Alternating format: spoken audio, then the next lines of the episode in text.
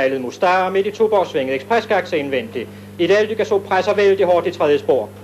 Og det indvendige ekspresgakse i sporene i Aldygasso midt i banen tråk indvendigt Meine Vel og derefter Choki udvendigt. Så følger Madison Avenue ind i opløbet. I det Aldygasso kort i front for ekspresgakse. Choki kommer i sporene og ind i opløbet. Udvendigt i Aldygasso, indvendigt ekspresgakse i sporene. Choki midt i banen Meine Vel, der kommer vældig stærkt. Det er i det Aldygasso, indvendigt ekspresgakse, udvendigt Meine Vel, der kommer vældig godt. I det Aldygasso med angriber Meine Vel vældig stærkt i sporene. Velkommen til Travsnak i samarbejde med Travservice.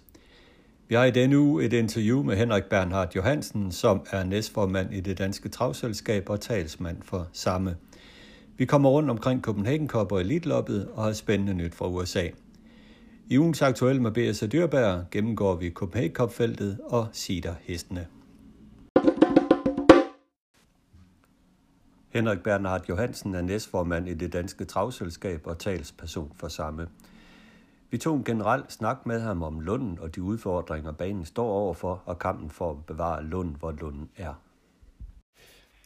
Så er Travsnak fornøjelsen af at øh, have fat i Henrik Bernhard Johansen, som jo er næstformand i det danske travselskab og også talsperson for sammen. Og allerførst, Henrik, øh, velkommen til podcasten. Jeg vil gerne starte med at gå tilbage til generalforsamlingen i april, hvor et forslag til at gøre Skovbo til hovedstadsbanen blev forkastet. Nogle af de opstillede kandidater til bestyrelsen trak sig, og tilbage stod fire personer, som alle havde den samme agenda om at bevare Lund, hvor den er i dag. Det var næsten en 50-50 afgørelse, som forkastede Skovbo-forslag, så man kan sige, at bestyrelsens sammensætning ikke helt afspejler foreningens medlemmer holdning til Lunden. Men hvor vigtigt er det for dig og bestyrelsen, at de alle er enige om retningen, og ikke som tidligere bestyrelser, hvor der har været forskellige holdninger til, til Lund? Jamen, det er rigtig vigtigt. Jeg vil måske lige korrigere dig en smule. Det er jo faktisk fem personer. Vi er jo fem personer øh, i bestyrelsen, og ikke kun Det er korrekt, men Morten Tanning var jo allerede i bestyrelsen, så det var jo fire personer sådan set, øh, som stod klar derefter til at gå i bestyrelsen. Ja, det kan man sige. Men Kai Holm var også en del af bestyrelsen, så så kan du sige, så var det kun tre. Okay. Men det er i hvert fald fem personer, der sidder i bestyrelsen i dag. Og det er jo det afgørende, for, øh, og øh, fordi at, at det, det er fem personer, som, øh, som alle er enige i, at vi skal kæmpe for at blive på lunden. Øh, og, øh, og det er jo en, altså det er jo en fornøjelse øh, at sidde i en bestyrelse, hvor alle arbejder lojalt og helhjertet på det, der er besluttet på generalforsamlingen nemlig at vi skal bevare og udvikle travets hovedstadsbane i Sjælland Giver det arbejdsro i bestyrelsen? Var det en afgørende øh, årsag til, at du valgte at gå ind i bestyrelsen? Jamen, jeg mener, det er utroligt vigtigt, at, øh, at den demokratiske beslutning, der er truffet øh, i, i foreningen, at det, at det er en bestyrelse, som arbejder helhjertet for den. Øh, det er ikke det samme som at sige, at der er noget galt med, at man at man har en anden holdning. Men man kan sige, hvis, øh, hvis, hvis, hvis, hvis generalforsamlingen, og det, nu er det jo sket i to tilfælde inden for, for halvandet år, at, at generalforsamlingen har besluttet demokratisk, at man vil blive på Lunden og udvikle Lunden, så er det også vigtigt, at der sidder en bestyrelse under et formandskab, som arbejder hele hjertet og lojalt for at blive på Lunden og udvikle Lunden til det flagskib, som det skal jo være. Øh, det, det er det, det handler om. Det var med stemmerne 77-72, øh, og det har jo altid været snævre afstemninger, de her ting her. Øh, mærker du en øh, generel opbakning fra medlemmerne til, til det arbejde, I laver, eller kan man også mærke, at der, der, der stadigvæk er mistillid blandt medlemmerne? Nej, jeg, jeg, som udgangspunkt altså, øh, mærker vi en klar opbakning. Men det gør selvfølgelig indtryk, at der er sådan en, en relativt stor del af medlemskaren, som, som ønsker noget andet.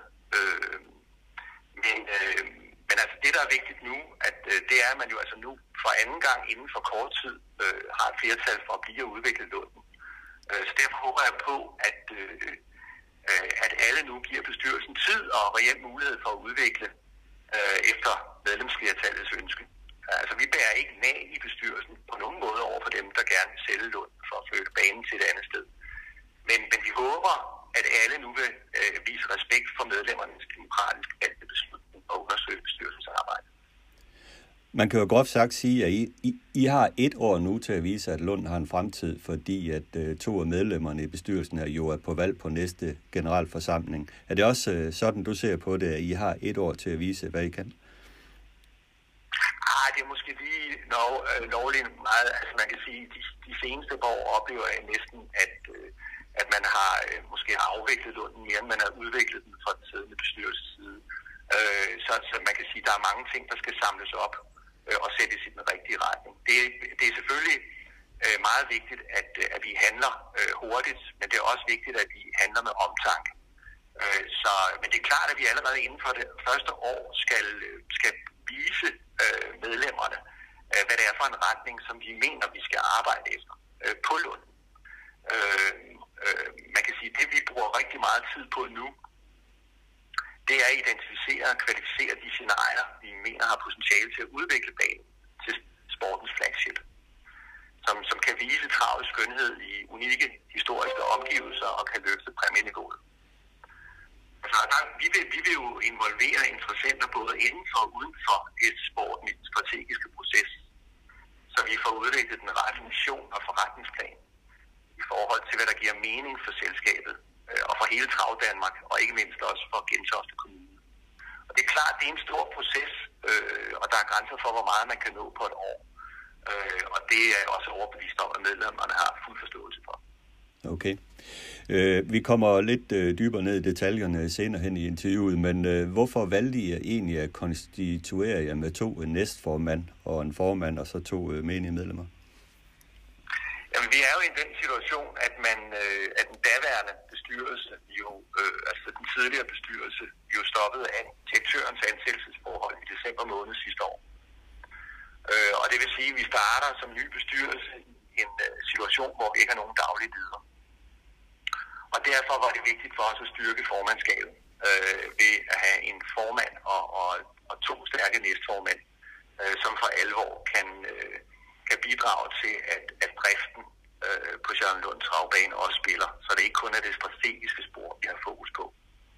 Altså, vi er jo helt bekendt med i Lundens bestyrelse, at vi øh, med vedtægternes indhold i forhold til, at vi skal have en, en, øh, en direktør. Øh, og derfor øh, analyserer vi også, øh, og, øh, og vi vil også inden for den nærmeste fremtid beslutte, hvordan vi bedst løfter opgaven i forhold til direktørposten. Men lige nu og her har vi jo ikke en direktør, øh, og derfor er det vigtigt, at vi har meget, et meget stærkt formandskab. Du siger, du, du nævner en, øh, øh, den her direktørstilling. Der. Er det en direktør, I kigger efter, øh, eller har I, har I tænkt på andre scenarier i forhold til det? Vi kigger på alle muligheder, men man kan sige, at ifølge vedtægterne skal vi have en direktør. Øh, for det danske travselskab. Og øh, altså det var der jo så ikke fra december måned og helt frem til, at vi overtog bestyrelsesposten øh, i 28. marts. Men der er ingen tvivl om, at vi skal have en, der, der står med hovedansvaret for driften i det daglige. Øh, og øh, men, men Henrik, hvorfor, hvorfor tror du, det er så svært for Lund at finde en direktør, som alle har tillid til, som kan sætte retningen for Lundens fremtid? Historisk set, øh, så er det jo væltet ind og ud af dørene med, med forskellige direktører, som har måttet øh, enten give for tabt eller blevet øh, fyret. Hvorfor er det så svært på Lund? Jeg tror, jeg tror, det er fordi, at, jeg tror, det er fordi, at man måske har for, at man ikke helt har forstået, hvad det vil sige at være bestyrelse. Altså, vi, vi er ikke i, i den bestyrelse, vi sidder i nu, der er vi ikke i tvivl om, at øh, på sigt skal vi slet ikke blande os i den daglige drift. Men at overlade det til direktøren, eller altså lederen på banen. Øh, så, så, øh, så, så øh, hvad kan man sige, vi skal sætte de strategiske rammer, øh, og så skal vi øh, ansætte en direktør, som vi har tillid til, der kan drive efter de rammer, vi har sat. Vi skal ikke have en direktør, der skal spørge øh, bestyrelsen hver gang, der skal købes og det er også, det er også direktøren, der skal sætte sit hold øh, i forhold til, hvad der skal til for inden for de økonomiske rammer at nå de øh, mål, eller KPI'er, er der nogen, der kalder dem, øh, som, som bliver sat øh, bestyrelsen og, og, øh, og direktøren øh, i fællesskab. Ja. Hvem står... så, så, så, ja. så det, er utroligt, det er utroligt vigtigt for direktørens motivation og også for respekten omkring direktøren, at direktøren får fred til rent faktisk at drive forretningen ved det hold, som direktøren sætter inden for de strategiske rammer, som bestyrelsen sætter. Ja, det lyder meget fornuftigt. Hvem står egentlig med det overordnede ledelsesmæssige ansvar lige nu? Jamen, det gør jo formandskabet. Fordi der er ikke nogen daglige leder, og det har der ikke været siden december måned, hvor den tidligere bestyrelse afskedede øh, Christian Sørensen. Og det er ikke en holdbar situation i længden. Og det er også derfor, jeg nævnte før, at det er noget af det, vi kigger på i øjeblikket, hvad vi kan gøre. Øh, for, men det, vi, vi er jo nødt til at gøre det inden for de økonomiske muligheder, vi har til rådighed. Øh, og det er noget af det, vi kigger på, fordi er der noget, der er vigtigt, så er det jo, at vi, at driver en ansvarlig økonomi på banen. Ja. Øh, netop det her med lederskab, altså i tirsdag selvfølgelig mine kilder, så opstod der jo en situation med noget teknik som drille på løbsdagen i tirsdags, hvor ingen til synlande vidste, hvem som havde ansvaret for hvad. Og kun fordi man tilfældigvis kunne få fat i Jørgen Skovlund, fik man løst problemet. Er det holdbart, at en løbsdag kom i far for at blive aflyst, fordi man simpelthen manglede ledelse på dagen, som tog ansvaret? Nej, altså vi fik det jo også løst, så det er også det, jeg siger, det er på på, på den lidt længere sigt, er det ikke holdbart, at man ikke har en daglig leder i det som, som kan stå for ansvaret for, at driften kører, som den skal. Øh, vi er rigtig glade for, at vi har Skovlund som, som teknisk support, øh, og øh, at vi fik løst øh, de, de øh, udfordringer var relativt hurtigt. Men det er klart, at, at vi skal over på den anden side ret hurtigt i forhold til at sikre en organisation, som øh, på den her hovedstadsbane virker på alle lederkanter. Og så skal man bare huske, at vi altså øh, lige er startet her for omkring 40 dage siden, øh, og vi overtog ordet på et tidspunkt, hvor der ikke havde været en direktør i fire måneder. Øh, og der har været tidligere hændelser af den karakter, som du har nævnt i den periode, og vi skal have en, en, øh, en person for ordet i det daglige. Øh, og det er så også det, som jeg fortæller, at vi har stor fokus på lige nu. Har I kigget på den struktur, som, øh, som I har inden for, for DTS? Altså, der har jo været tanker om, at man kunne dele det op i en forretningsmæssig øh, del og en sportslig del på Lund, for dermed at få mere, få, få mere struktur på forretningen og mere fokus på øh, selve forretningen Lund. Har, er det, har, I, har I tænkt nogle tanker omkring det? Ja, vi tænker rigtig mange tanker i øjeblikket. Man kan sige, vi har... Øh vi, vi, øh, vi, vi har jo øh, vi har frem for alt en opgave at sikre, at Lunden bliver en økonomisk rigtig god øh, business case. Vi kigger rigtig meget på, øh, på gode øh, eksempler rundt omkring. Vi har blandt andet øh, Klampenborg Galopbanen, som er lykkes med at få, øh, få øh, rigtig god kundestrøm, øh, og som, øh, som også har fokus på, hvordan man kan drive god forretning på banen uden for løbsdagen.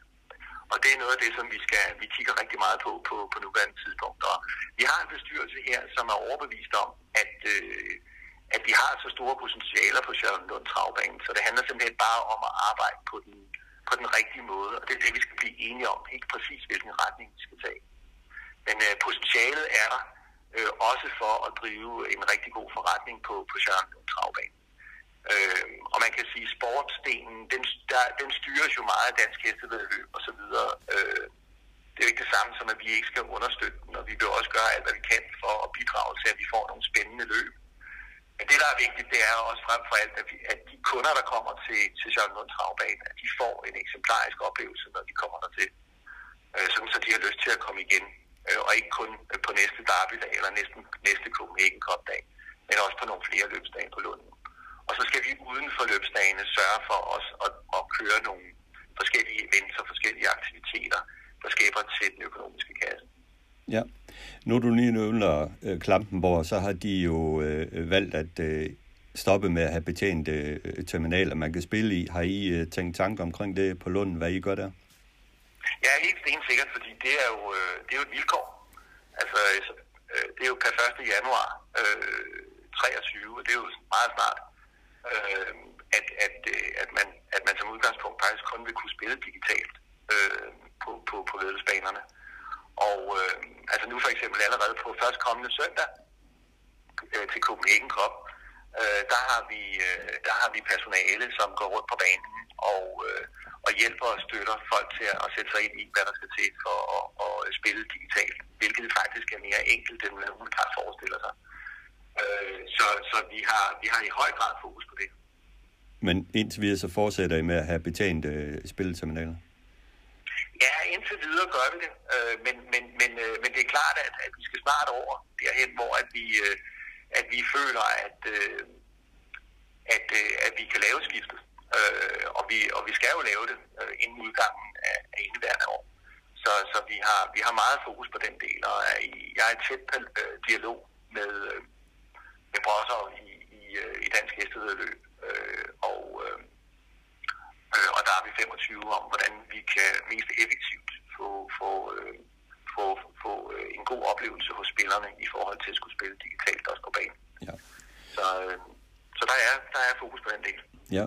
Øh, omkring øh, sporten på Lunden, så er det jo ikke nogen hemmelighed, at øh, I, I kæmper med øh, heste i træning. I kæmper med at, øh, at tiltrække nye trænere til Lunden. Hvis man ser lidt på tallene, så har I jo reelt set kun otte trænere tilknyttet Lund, som driver en decideret trænerforretning. Odense har otte trænere, Skive 12, Aalborg 15. I jo en hovedstadsbane, og Sten Juhl har jo udtrykt bekymring om Lunds Lundens fremtid, og især bekymring om, hvordan man kan gøre Lund til en bane, som kan tiltrække de kommende generationer af nye trænere i sin nuværende udformning på Lund. Øh, hvordan ser I på det, at øh, Sten Juhl og andre ser det som en kæmpe stor udfordring at tiltrække nye trænere til Lund med det udgangspunkt, de har nu? Jamen det ser vi, det ser vi, øh, det ser vi seriøst på. Altså vi, vi vil gøre alt, hvad vi kan for at udnytte potentialet på Skovbo og gøre det endnu mere attraktivt at træne på træningscenteret i Skovbo. Uh, vi, vi vil gøre, vi har, vi har rigtig meget fokus også på øh, hele rekrutteringen til travsporten Øh, øh, i forhold til vores pony øh, og vores travskole.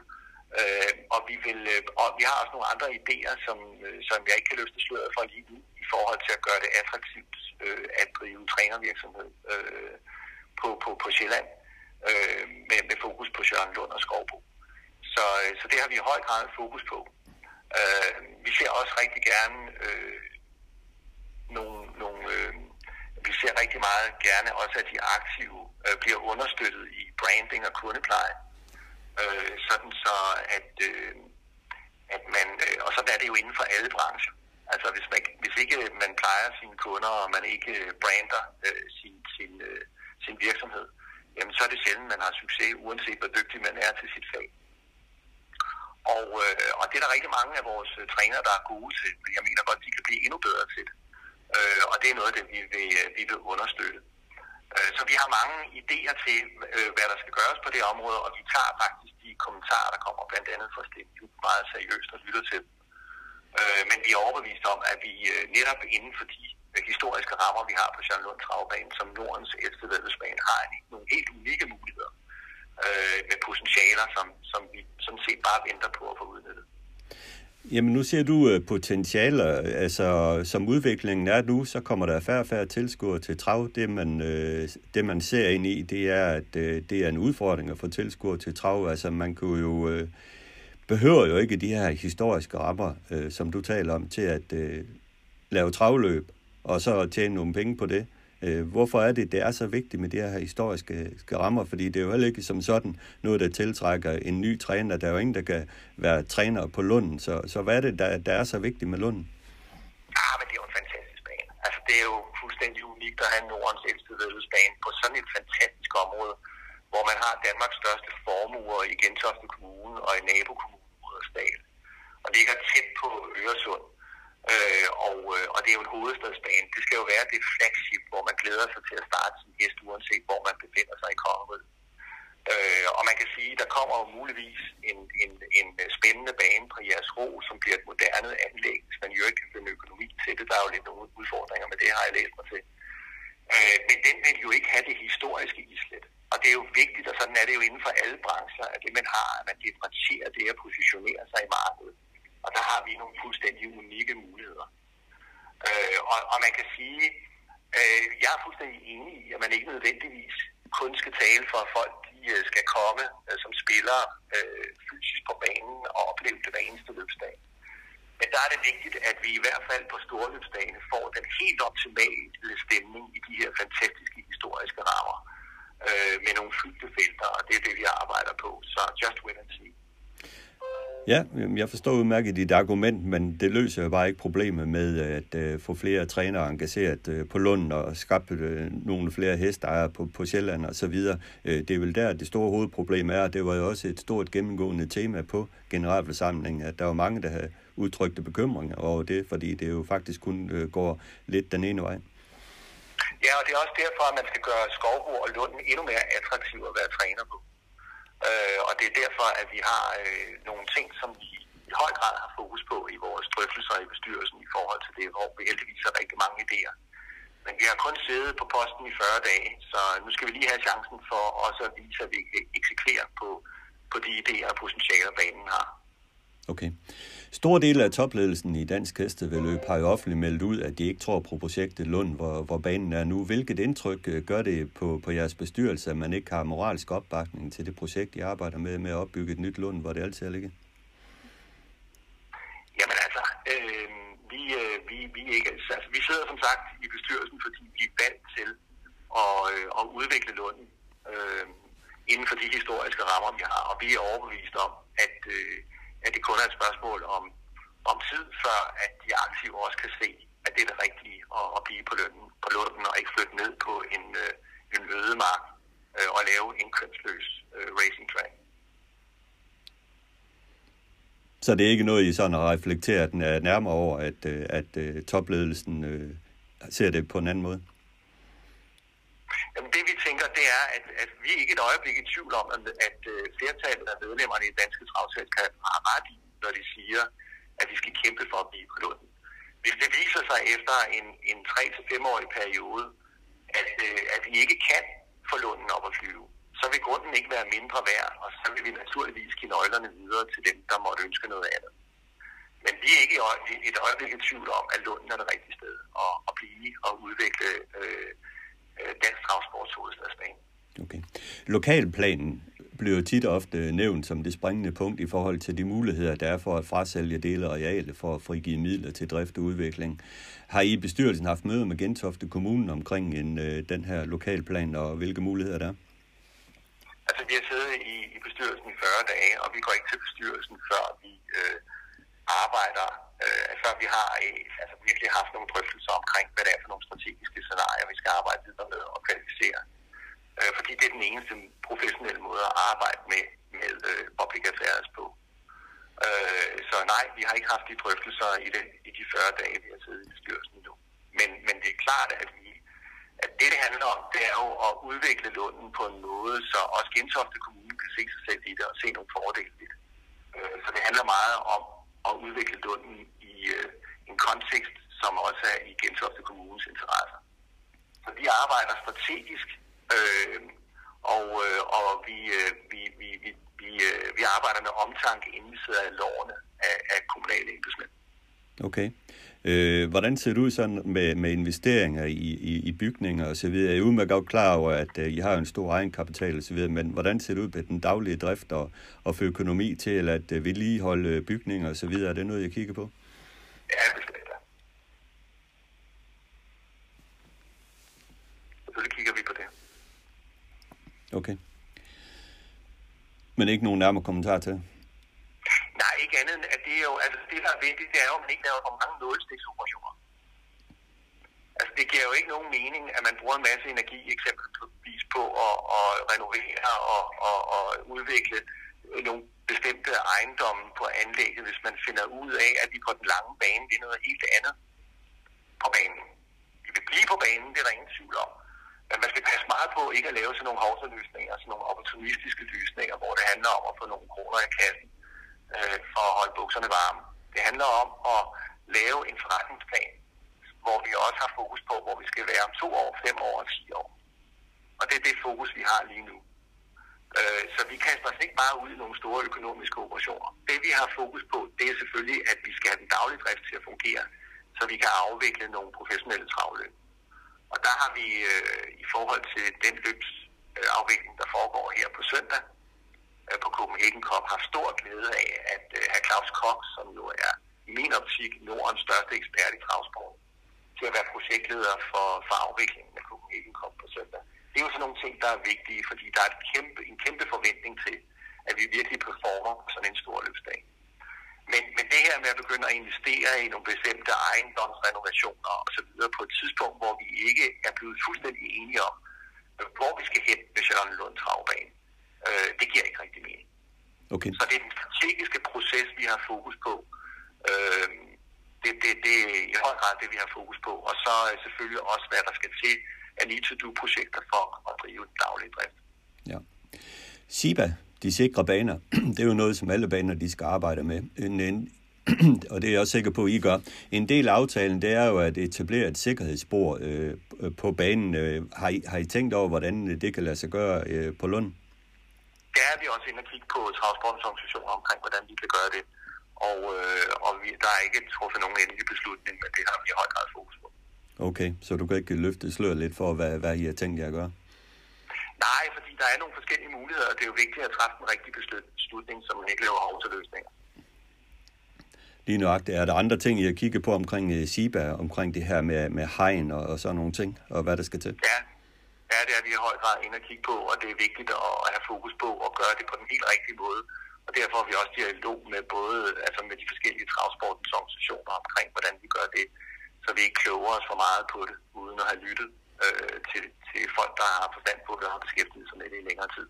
Okay. Så der, der kommer helt sikkert også en løsning på det i nær fremtid. Godt. Det er jo ingen hemmelighed, at øh, banerne de skal jo tænke kreativt i forhold til at tjene deres egne penge og lokke nye kunder i butikken til fællesskabet, øh, fordi at øh, det her med øh, at tjene penge på spil for en bane, det er jo ligesom øh, historie.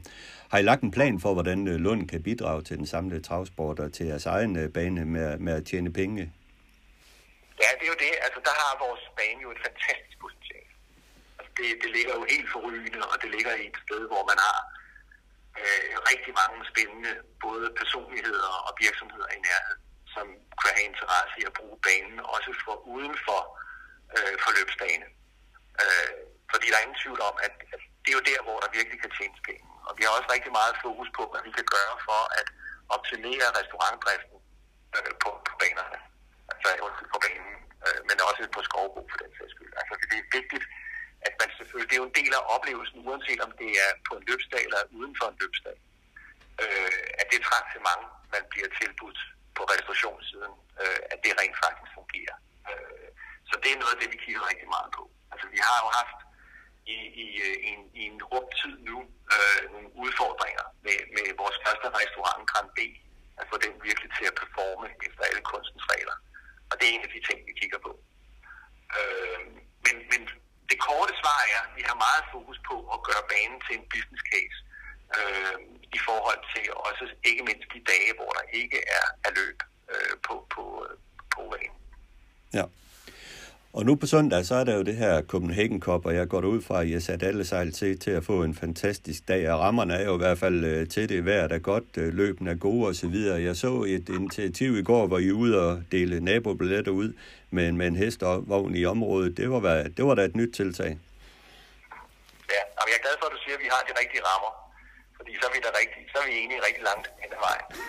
øh, har, nu, nu skal du lige huske på, Henrik, jeg har ikke nogen holdning til, til det her, om Lund skal Nej, blive der. Nej, jeg hørte bare, hvad du sagde. Vi ja. har de rigtige rammer, og jeg kan da godt at vi har nemlig nogle fantastiske rammer for at afvikle den her internationale travsport, som vi alle sammen kan se frem til på søndag. Jeg håber og opfordrer til, at hele Travdanmark besøger Charlotte Lund Travbane, hvor vi jo altså har haft, øh, som jeg har nævnt før, øh, Claus Koch, øh, til at være den primære kaptajn i forhold til at få øh, Copenhagen Cup helt op på ramskiven i forhold til at performe her på, på søndag.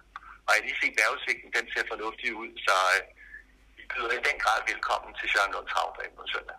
Har I kigget på, på har I nogle forventninger til tilskuerantallet?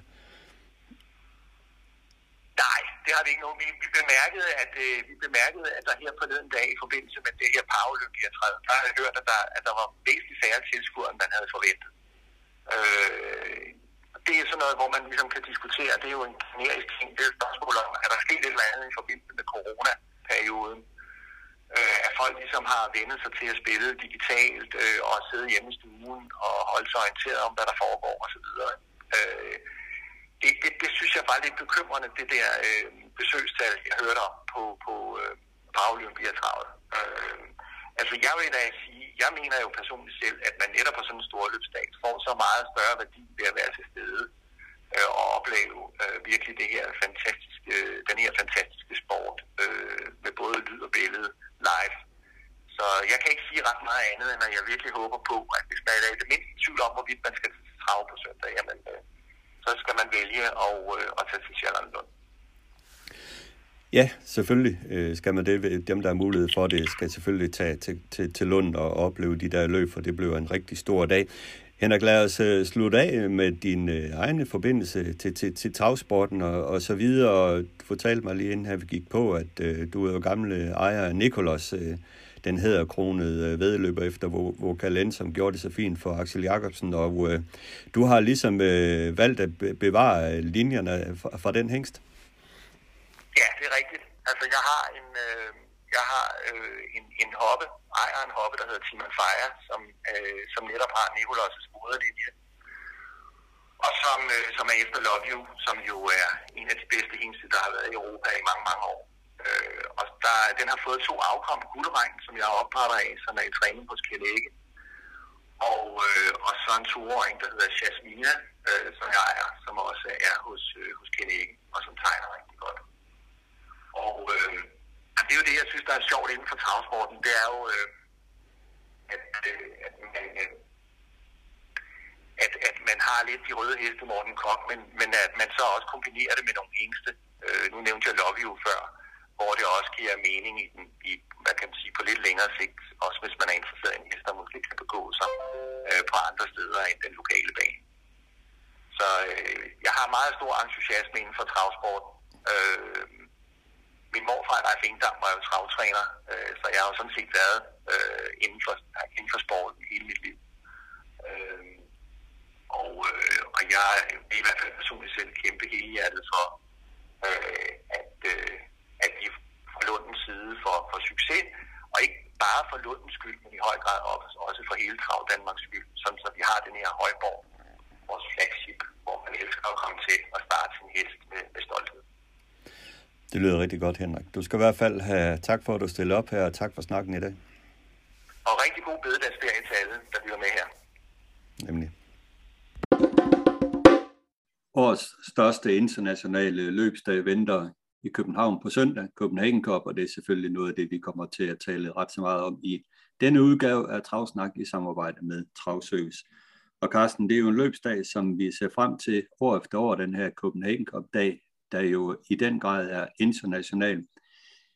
Det har i år fået status af et gruppe 1-løb, der er 100.000 euro i, øh, i potten, og øh, jeg synes da nok, at øh, startlisten afspejler en, en del klasse, kan vi vist godt sige, både for hester og særdeleshed i kuskesiden. Copenhagen Cup er jo et af årets øh, store højdepunkter i dansk øh, travsport. Desværre synes jeg alligevel ikke, at det har fået den status helt, som det, det havde for, øh, for, for, for, for nogle år siden. Vi er blevet øh, for forventet med international travsport. Vi er, er blevet mere orienteret i retning af elitloppet øh, end, end Copenhagen Cup. Øh, nu er det også sådan med Copenhagen Cup, at der meldes til det. Det vil sige, at der bygges ikke op på forhånd med, at nu har vi sikret os den og den øh, kandidat, som de jo eksempelvis har med, øh, med elitloppet, hvor der jo virkelig bliver bygget op til, øh, til en, en stor finale, kan man sige. Øh, det mangler vi lidt her med Copenhagen Cup i og med, at det er et, øh, et anmeldelsesløb, og det synes jeg faktisk er, er synd. Så kan man så sige, jamen okay, vi har for få penge at gøre med. Øh, vi kan vi har nu en præmiesum på 750.000. Spørgsmålet er om man ikke kunne forsøge at løfte den præmiesum højere op, sådan at vi kunne få det lavet som et invitationsløb og få øh, skabt endnu mere blæst omkring det, ikke kun i vores egne rækker, men, men ud over dem, der er interesseret øh, i hestevedløb. Ja, altså sidst der var 750.000 kroner ind i billedet, det var til vinderen, og det var i 2014, hvor, 14, hvor Urali jo fik uh, sejren efterfølgende, da, da en vinder der blev diskvalificeret. Uh, men uh, siden der har præmiesummen gået stødt nedad, øh, sidste år, forrige år 250.000, sidste år 300.000, og så et lille løft i år.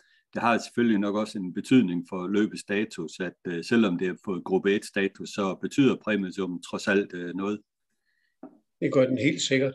Øh, og jeg ved, det er svært at finde sponsorer, men så kunne det jo være, at man kunne øh, hekse på en eller anden måde ved at, at for eksempel sælge øh, startpladserne øh, til firmaer, øh, for, nu siger vi 100.000, øh, og, så, og så trak man lod om, øh, om de heste, som der så blev, altså således, at hvis, hvis, hvis Travservice nu tegner et, et, et sponsorat på 100.000 til Copenhagen Cup, så øh, fik jeg udtrukket nummer 4, og nummer 4, det ville jo så i år være vi vi jo, som så var den hest, der repræsenterede mig.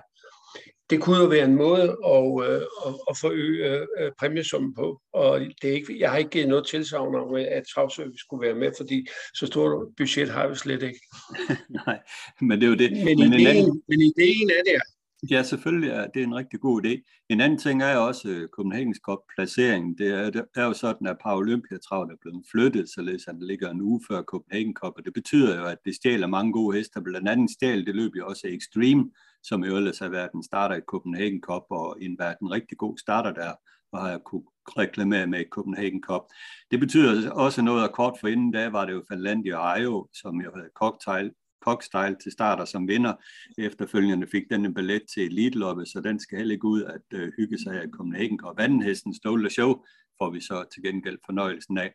Men en ting, som måske kunne løfte øh, løbet, det var jo, at øh, hvis vinderen fik en invitation til elite det kunne måske være med til at øh, øge klassen på startfeltet, fordi som jeg ser det fra svensk stands side, så synes jeg, det kunne være sjovere at finde en, en inviteret hest i Copenhagen Cup end i det almindelige hurtigklasseløb på Solvalder, som det, så, som det vi så i onsdags. Øh, der synes jeg, at Copenhagen Cup kunne være sjov at give en billet i. Ja, men det, det, det kan jeg også godt følge dig i. Øh, men, men nu øh, nævnte du også øh, placeringen på sæsonplanen. Altså jeg vil sige, det er jo utrolig ærgerligt, at, øh, at Åby har fået lov til at flytte øh, Paralympiatravet, øh, sådan at det kun ligger en uge før Copenhagen Cup det, det er ufortjent, og det, er ikke, øh, det, det, er ikke, det var ikke pænt gjort. Når det så er sagt, så tror jeg faktisk, at, øh, at Copenhagen Cup ville have godt af at blive flyttet helt frem til, øh, til juli måned. Den første eller anden weekend i juli måned. Det tror jeg ville være en god, en god, en god, et godt sted at lægge det. Ja, men igen, det skal, hele skal jo passe ind i en svensk løbskalender, fordi vi jo også øh, i, i, på søndag har den her jo fem dage, og øh, det skal jo passe sammen alt det der for at få sammen med Sverige. Vi kan ikke bare flytte det. Nej, vi kan ikke bare flytte det, nej. Nej. Men ellers, hvis vi ser på, på feltet i, i år, så er det jo en øh, Milligan School, som forrige år var, var anden i løbet, og jo kender banen har gået godt her, der er en Vitruvio. Men det er jo nogle af de gamle ejede kæmper. Der er der nogle øh, opkomlinge i, løbet her, som, kom, som kan øh, slå til, tror du? Altså, jeg vil ikke kalde det stået show en opkomling, øh, fordi han har vel øh, øh, vist, at han godt kan være med i, øh, i, i topklasse. Øh, men, men det er jo klart, altså vi har vores egen danske Festival of Speed og, og Flagerdust, jo, som øh, skal ud og, og, og vise, hvor gode de egentlig taget er. Øh, lidt ærgerligt, at Flagerdust har fået startplads helt udvendigt, selvom man siger, at hun er chanceløs på forhånd, så havde det dog været sjovere at se hende med nummer 4 og så uh, med i kampen om, om føringen. Uh, men vi kan jo sige, en hest som Mr. F. Dark, uh, Kallekraven, øh, får sin første start i, i Danmark. Han er jo født i Danmark, men øh, svensk registreret, har haft sin karriere i Sverige, og så sidenhen i, øh, i Frankrig, hvor han jo har tjent øh, næsten en halv million euro. Øh, Usain Tølle, som jo er blomstret op øh, efter den er kommet i træning hos, hos øh, Bondo øh, og, og har gået rigtig, rigtig gode løb på, på, på Vincennes. Men det er jo i klassen lige under de allerbedste, men, men det er da en hest, der er på vej op. En hest, der har været med blandt de allerbedste, det er jo uh, Alcoy, som jo er svensk født, også en svensk født uh, Redicast søn, som trænes af belgierne uh, Vincent Martens og uh, hans bror Christoph Martens, som jo har en stor træningscenter lige uden for Paris. Jeg har faktisk været nede og besøgt det en gang, og de har en meget fin ligeudbane, der går opad, så det er noget, der, der hvad hedder det, der, der, giver, der giver kondition. Ja. De driver en ja. ret stor stand. Ja. ja, men altså på papiret er det et vældig åbent og spændende løb, hvor der er mange heste, der har chance. Og jeg kan jo også fortælle, at øh, Bent og mig senere hen øh, i udsendelsen går igennem feltet og giver deltagerne karakterer.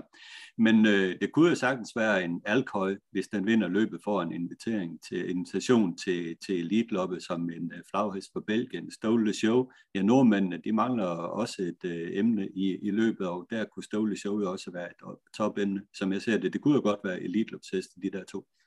Ja, og så er der jo den danske øh, krølle på halen med Stålet Show, at den er født op ved Torben Havgård, ikke? og, og ført, ført frem af ham øh, som, som to års, øh, og Jeppe Rask, øh, og løber 14 på, øh, på jeres ro og bliver så solgt for vel en god slant. Ja, lige præcis. Så der er der også lidt øh, dansk ind, indblanding der, men løbsdagen, løbsdagen generelt, så er den jo øh, tegnet af masser af, af fine løb, meget international konkurrence og øh, øh, mange fyldte felter, så også spillemæssigt og så videre, tegner det jo til at blive en uh, topdag. Ja, sidste år, øh, der er jo V75, øh, og det er jo nordisk V75. Sidste år havde vi en omsætning på 14,7 millioner. Øh, jeg kan jo ikke sige, om den bliver højere eller, eller mindre i, i, i, i år. Øh, meget kommer an på, hvordan er V75-spillet arter sig i Sverige om lørdagen, fordi hvis der er mange små gevinster, så er der jo også mange vinder, og så har de noget mere spil for om søndagen. Ja, lige præcis. En anden ting, som jeg også er spændt på, det er, hvor mange publikummer, der kommer til Lund øh, på søndag. Det var sådan, at på Åby, der havde man øh, 10.000 besøgende øh, på løbsdagen før alt det her corona-hejs. Øh, man havde forventet 7.000, men der kom kun godt 5.000 i, i lørdags til at så øh, de her VCU5-løb øh, med Paralympia travlt. Så jeg ved ikke, hvilke forventninger man har i København, men øh, jeg, jeg frygter nok det her med, at det er efterhånden øh, en kamp at øh, få lukket folk ud på, på banerne og se, øh, se vedløb. Ja, og øh, jeg tror ikke, der er mange i København, der ved, at der er Copenhagen Cup på søndag, for så vidt, hvis ikke lige de er inden for travlt. Jeg, jeg har ikke rigtig set øh, så meget øh, så meget reklame for det.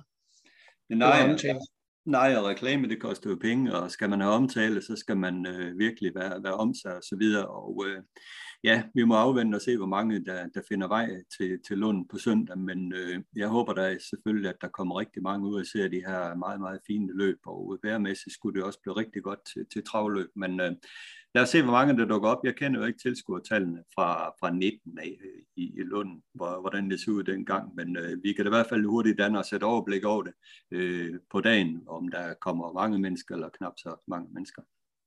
Ja. Der er i hvert fald mange heste til start. Det er der i hvert fald. Så, og 13 løb. ja, så jo, det, det er i hvert fald på plads øh, til, at øh, der, er en, øh, der er en god grund til at tage til København, hvis man har mulighed for det. Hvis vi tænker tilbage på Copenhagen Cup igennem øh, tiderne, så har det jo været kørt på den her distance 2011 meter siden 1978, hvor, hvor Pershing vandt. Og tidligere hed det internationale mesterskab, indtil det fik navnet Copenhagen Cup. Og det har jo en øh, gloværdig øh, øh, karriere, det her løb, øh, Copenhagen Cup, kan vi roligt sige. Øh, der har været ma- masser af gode minder fra det løb, og et af dem er jo, da SJ's øh, foto vinder for David Wade i 1995, og sætter ny verdensrekord 12-8, og i Isaias interview blev, siger takker Carsten Bundgaard jo David Wade for, at han, hvor han kom øh, med hesten, og tak for opvisningen, og så er det så David Wade, han kommer med de her bevægende ord, don't thank me, thank the horse. Og det var jo med til at vælte øh, publikum og give vældig sympati til, til David Wade og hestens SJ's foto dengang, som jo senere hen blev en øh, fantastisk øh, fin øh, og en af de bedste i verden, kan man vist roligt sige. Øh, det har en, en gloværdig karriere, Carsten, det her løb. Jeg er ingen tvivl om det. Nu er det ikke den første verdensrekord, der blev sat i, øh, i Copenhagen Cup. Det gjorde faktisk Junior Nobel i 1986, da den øh, vandt i 1.13.6 som fireåring. Øh, og jeg kan jo huske, det var jo, der var jeg på vedløbsbladet dengang, og, og skulle lave foromtaler, og, og den, på det tidspunkt der, der var, øh, der var feltet heller ikke sådan lige så jublende øh, interessant.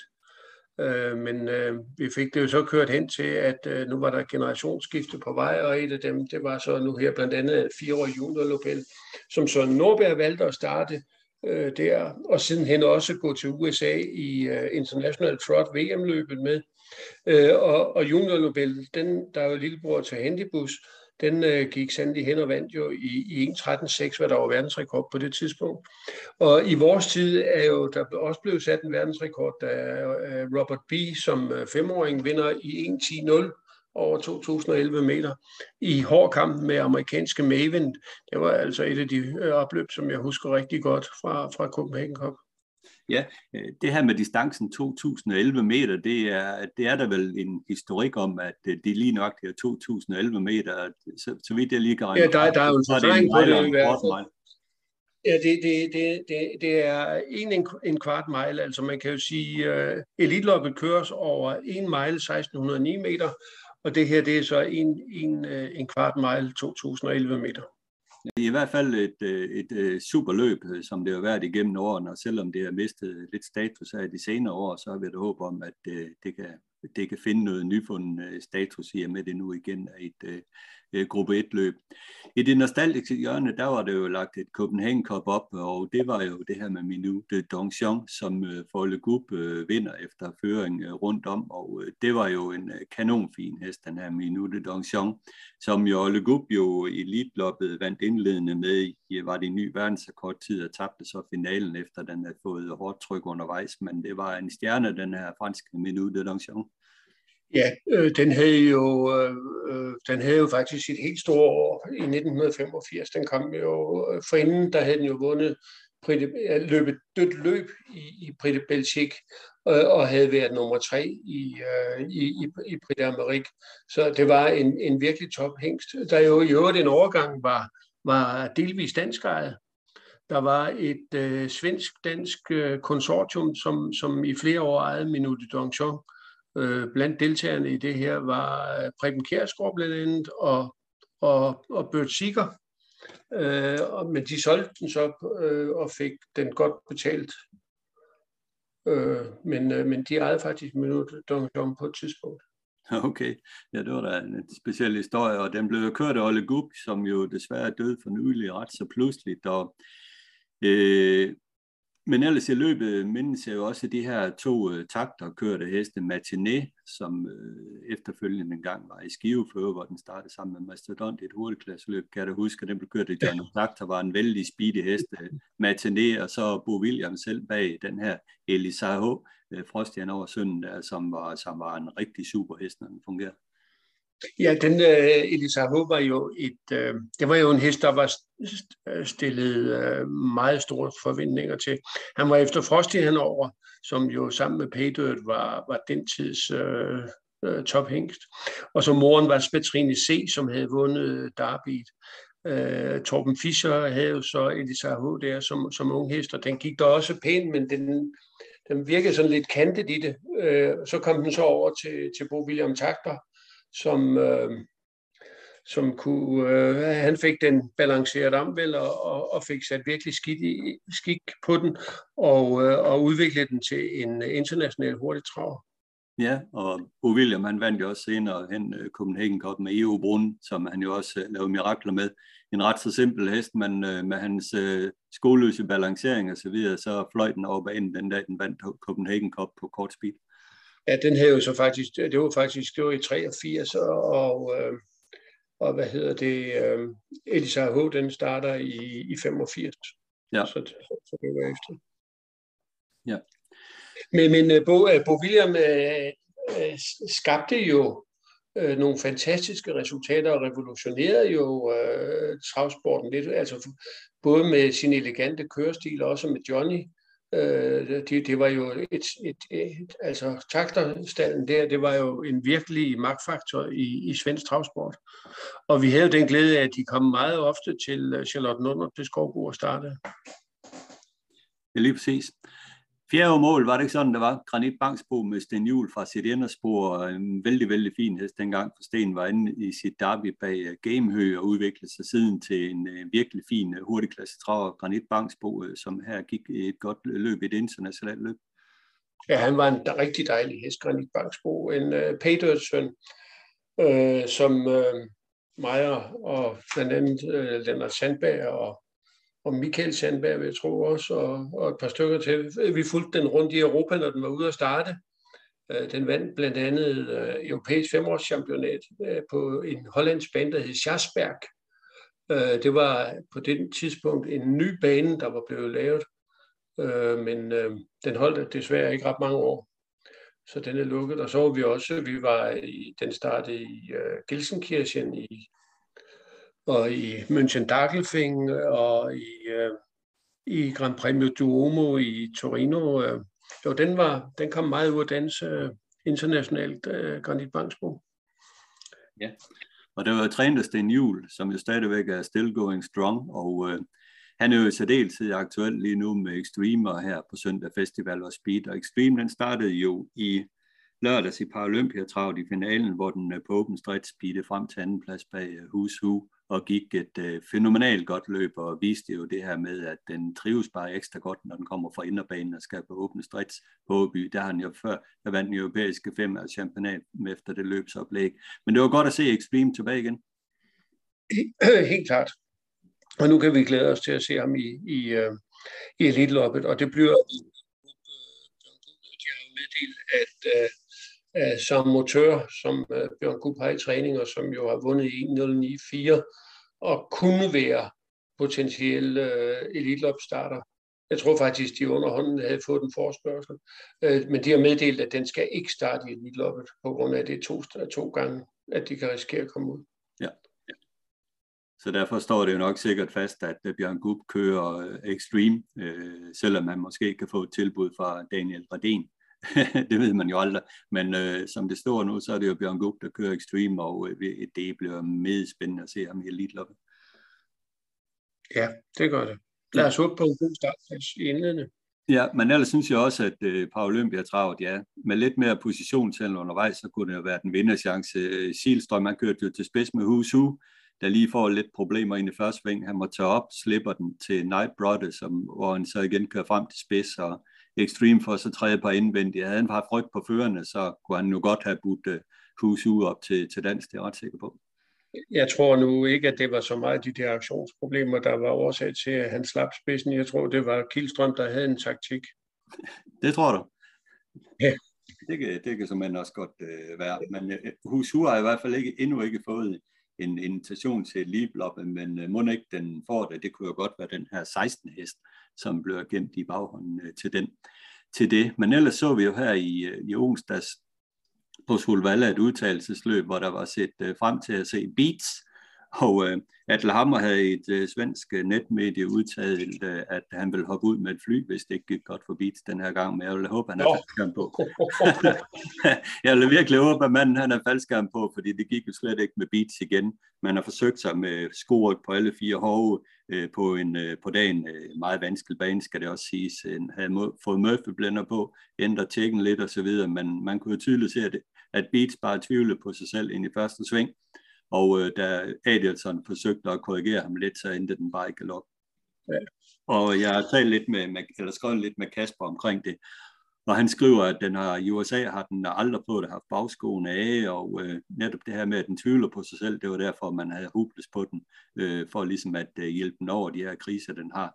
Så det her projekt med Beats, det, er, det står i hvert fald indtil videre til at være faldet med et brag. Ja, jeg synes jo nemmest, at det også var dømt på forhånd, fordi den var så speciel i USA, og en hest, der er speciel i USA, det at, at, at, at køre med diverse hjælpemidler, så er den svær at tage herover. Ikke? Men øh, lad os nu se, hvad Daniel Redin han kan få ud af den, når han får den.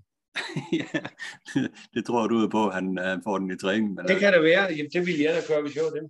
Ja, men der skal der, hvis, øh, hvis, det, hvis det ikke snart lykkes med beat, så er det jo nødt til at skifte uh, træningskvarter med hesten. Det kan også være, at uh, Atle Hammer siger, at uh, det her det går ikke, I må prøve noget andet. Ja. Men det er jo Daniel Redén, der, der er manden i skysovs i øjeblikket. Han fik jo kvalificeret den her snowstorm han over, der, der, der vandt løber, dermed fik en billet. Han har i forvejen uh, fået inviteret Don Fanut til sæt, og i fredags, uh, der var det jo en vis Hail Mary, som tog Sverige med storm, og øh, vandt hurtigklasseløbet på en 10-tid, og nu er favorit til at vinde elitløbet. Ja, næst favorit. Næst favorit, selvom ja. han har fået en invitation endnu. Ja, det, det er lidt... Det er vildt. Det er lidt søgt, ikke? ja, men han gik fantastisk godt hele med, det skal han sige. Ja. Jamen, han kan trylle. Øh, han kan i hvert fald en eller anden. Redin, ja, det må man sige. Og det er, ja. jo, det er jo mange forskellige heste, som, øh, og det er jo hele tiden, at der kommer noget fra ham, som er, som er gående. Øh, men når vi nu øh, også det, så var der altså en, øh, og det er ikke en hest til Elitlop, men det kan en hest til Harper han over. En hest, der imponerede mig helt vildt i går. Øh, altså, og når jeg siger i går, så var det onsdag aften. Ja. Øh, det var Pimont på jeres ro, der vandt det 3100 meter løb. Altså, det, den fik en meget, meget dårlig start og, og lå utrolig langt tilbage og går så op og øh, Ja, så blev den så svaret op af, af uh, Face med Adrian Colgini, og de kører 30 meter væk fra, fra, fra feltet, og til sidst så er han bare uh, Piemont uh, suveræn og vinder i 14, 6 eller 8 over 31-80 meter. Det, det var altså en stærk præstation, og måden den gjorde det på. Jeg ved ikke om det, hvis den er point nok til at komme med i Harbour henover, så er det i hvert fald en uh, top aktuel hest der. Ja, nu har den vundet fem sejre i træk, så så altså, lidt må dem jo have. ja, men jeg ved bare for tidligere, der, der har været snak om mange harbejen over sidste, og, og ja, men det kræver altså bare sindssygt mange point at komme med i det løb der. Men ja. der er jo selvfølgelig også nogle wildcards øh, at tage der i det løb. Men for lige at vende tilbage til onsdag der, så er det jo interessant. Øh, altså, Joachim Løvgren har sin stald i god form, øh, vinder tre løb, men Konrad Lugauer, han, han vandt fire løb.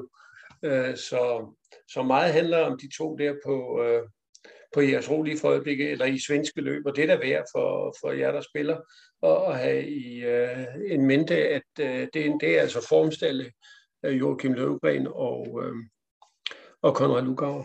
Ja, lige præcis. Og på Solvald er Daniel Redén, der også vandt kongepokal med Francesco sæt i overlegen stil. Ja. Øh, og var tredje med Glamorous Rain i, i dronningepokalen, der, som fik et øh, stærkt uheldigt løb, da den blev svaret ud i tredje spor, men den var nok ikke andet den tredje hesten på dagen i det, at øh, Kepa Mill, ex Ridleys pressehoppen fra Paul Haggard, Robin Bakker, øh, vandt let for Deborah Esso, som, øh, som også gik et øh, super topløb, de der to hopper. Men ellers øh, skal vi lige runde øh, en smut over til USA og kigge lidt over på, på det, der sker derovre, fordi der sker virkelig spændende ting i år i USA. Det er der slet ingen tvivl om. Altså, jeg glæder mig som lille barn til at se de her løb øh, længere frem i kalenderen i USA, fordi jeg synes, det, der sker blandt treåringerne, især blandt de treårige hopper, er meget, meget spændende at se. Der var jo et New Jersey sejrstik i, i, i sidste uge, hvor Venerable på stregen øh, glider forbi Jiggy Jog, øh, Bay, min nye favorit, måske den, den mest komplette øh, hest, jeg nogensinde har set rent travmæssigt, den her Bay efter Walnut Mission Brief, sat fast over mål. Øh, og det man noterer sig fra det løb, det var, at der var otte heste til start, fem efter Wallen og tre efter Muscle Hill. Walnut-hestene, de, de var 1, 2, 3, 4, 5. Og der er bare et eller andet, der siger mig, at det, den her Walnut sammen med Chapter 7, uh, de, de kommer til at dominere det der over nu. Altså det, det er ligesom om... Det er far søn, eller det er søn og far? Ja, det er jo det. Det er jo ligesom om, de der heste, ja. de, de, de fejrer bare alt modstanderbanen. Og så var der jo Joviality, som jo måske var den hoppe, der sidste år gik det allerbedste løb, da hun vandt uh, Breeders' Crown uh, to års hoppeløb på Meadowlands i en stiv pelikan, efter Chapter 7 af Passager-facen Moshilin hoppe. Hun var ude i qualifier fredag, så godt ud og EKD var også ude i en qualifier den dag, og så rigtig fin ud. Så der sker rigtig meget. På den fredag på Meadowlands sidste fredag, der var det jo Tom Paul henover, som jeg tidligere har talt om, øh, vandt et løb ret overraskende efter sin dårlige qualifier. Og der var heller ikke fin i stil den her gang. Øh, travet dårlige svingende brød ind i opløbet, men Brian Sears, han, øh, The White Knight, han fik den dirigeret frem til sig kort for en øh, Classic Hill et andet løb blev af Periculum fra Melander-stallen. Det er altså Markus Melander, der også træner Tempol henover. Han træner Joviality, han træner JAB. Og så var der et hurtigklasseløb for hopperne, hvor Atlanta blev overraskende besejret af Hercules. Lørdag aften, der er der løb med Son of, lørdag var der Son of a Mystery, et uh, fireårs graduate løb uh, øh, for igen her med Markus Melander træning. Men ellers uh, fredag aften her i aften, der er der New Jersey Sire Stake, hvor Jiggy Jog møder JAB, Tim Paul, han over Classic Hill er på banen igen. Og så meget spændende på lørdag, Carsten. Der er der en qualifier, hvor Venerate er på startlisten igen, nu i træning hos Carter Pinsky. Og den her Love Your Son Venerate var, jo, var jo den, der var kæmpe forventninger til sidste år, men som faldt ud af stilen. Spændende at se den igen. Ja, Øh, den, med den hurtigste tre, nu snakker du kun om, om de tre år hopper, den hurtigste øh, tre års hængst indtil nu i år, den har så ikke startet, men det skal den snart til.